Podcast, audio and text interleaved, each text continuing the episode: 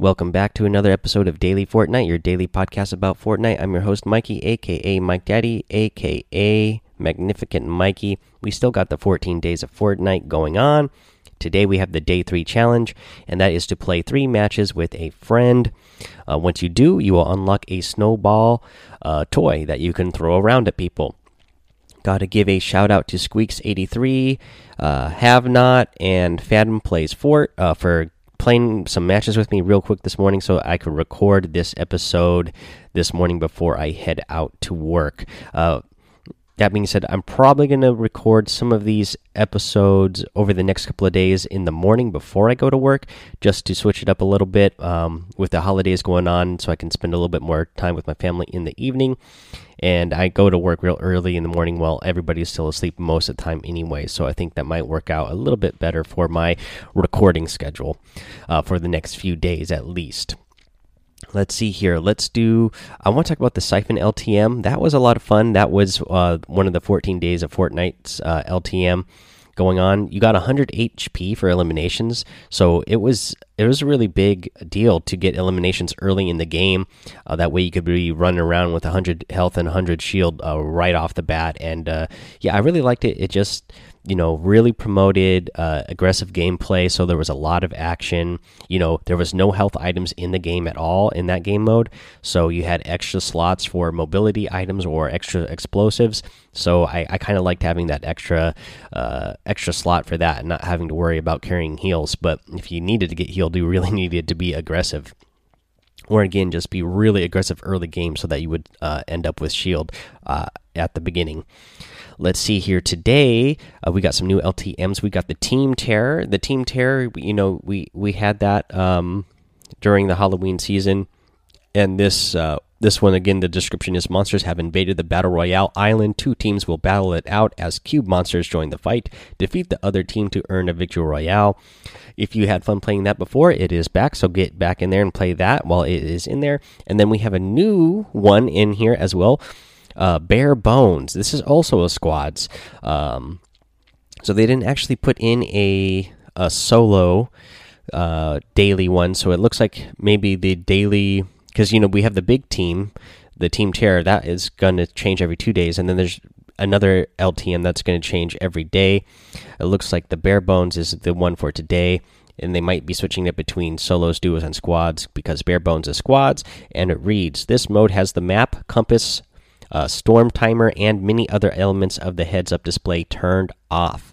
Determining who is friendly and who isn't during firefights and staying away from the storm will be key to picking up a victory royale. So yeah, you're not going to get a lot of those.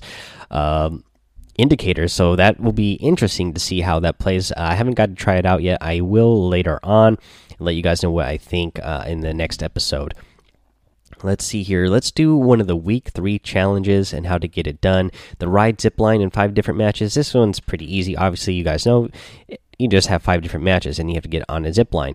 Uh, the tip I want to give you is that when you jump out of the battle bus, you can land straight on a zip line, and that will get the challenge done and out of the way right away. One of the places I like to you can do this is over by Pleasant Park because they have the zip lines that go up to where the uh, storm wings are, the planes. Uh, so just land on one of those uh, zip lines in the direction of where the planes are. Then you can land up there. Usually in that little uh, red base there, there's some usually some chests in there, so you can get a couple of chests there, and then uh, uh, you know jet out of there.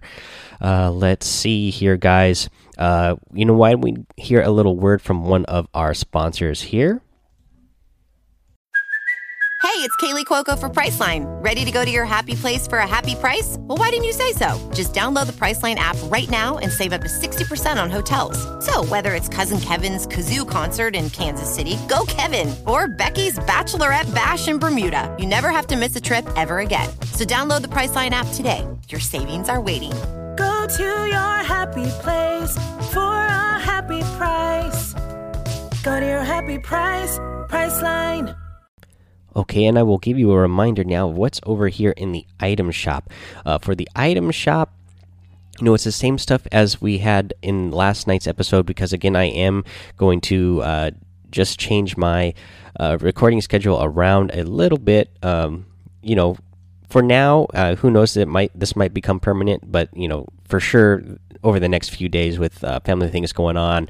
My birthday tomorrow, Christmas coming up, you know, New Year's. Uh, so let's see here. We got Crack Shot uh, outfit in the item shop still. We got the Crackabella outfit in there as well. The Snow Globe uh, harvesting tool, again, which I am a huge fan of this. Uh, you have the Tinsel Toes outfit. You know, and this is only 800 V bucks for for this outfit. I think this is really really good, uh, especially for 800 V bucks. I am a big fan of this outfit. Uh, the more I take a look at it, you still have the Cipher outfit in there, the Laugh It Up emote, the Exercise harvesting tool, the Armadillo outfit, uh, the Googly Glider, and the new Crackdown emote. Again, which I like because it looks like the old animations from those old Christmas movies. Uh, let's see here. Um, don't forget to use the creator code Mike Daddy when you are getting these items, of course. M M M I K E D A D D Y. Whenever you buy one of the items in the item shop using that code, it will support me, and I really appreciate it, guys. Uh, let's see here. Uh, let's do our tip of the day. So, one of the challenges this week is also to get uh, damage done with sniper rifles. Uh, and I will I'll, I'll give you a tip, guys, just to test your sniper rifle uh, accuracy out in playgrounds. Uh, test your range. You know, from up close, you know you're going to be able to get that center of your reticle right on the player and hit them. But as you get farther away from your opponent, there is bullet drop in Fortnite. So you can't, you know, it's not hit scan. You have to actually aim a little bit above your opponent, uh, depending on how far away they are. The you know the farther away they are, the higher you're above them you're going to need to aim. So go test it out in playgrounds. Just get in there with some buddies, uh, have them, you know, even just stand still for you. Uh, that way you can test out being further and further away, just how high you need to aim uh, if somebody is there. And then, of course, you always can practice of somebody moving around at once you get it down, how high above you need to uh, be aiming. That way, you can also be uh, practicing how far ahead of somebody you need to be aiming when you're on the move because again it's not hit scan. You can't just have your reticle right on them. If they're moving in a certain direction you need to have your reticle uh, a little bit ahead of that. That way they will run into the bullet. Okay guys that is going to be the episode for today. So go join the daily discord. Uh, let's see here. Go follow me over on twitch and youtube uh, Mike Daddy on both of those places. Head over to iTunes, Apple Podcast, leave a five star rating and a written review. Uh, so you can get a shout out here on the show. Make sure you subscribe while you're there so you don't miss any of the episodes.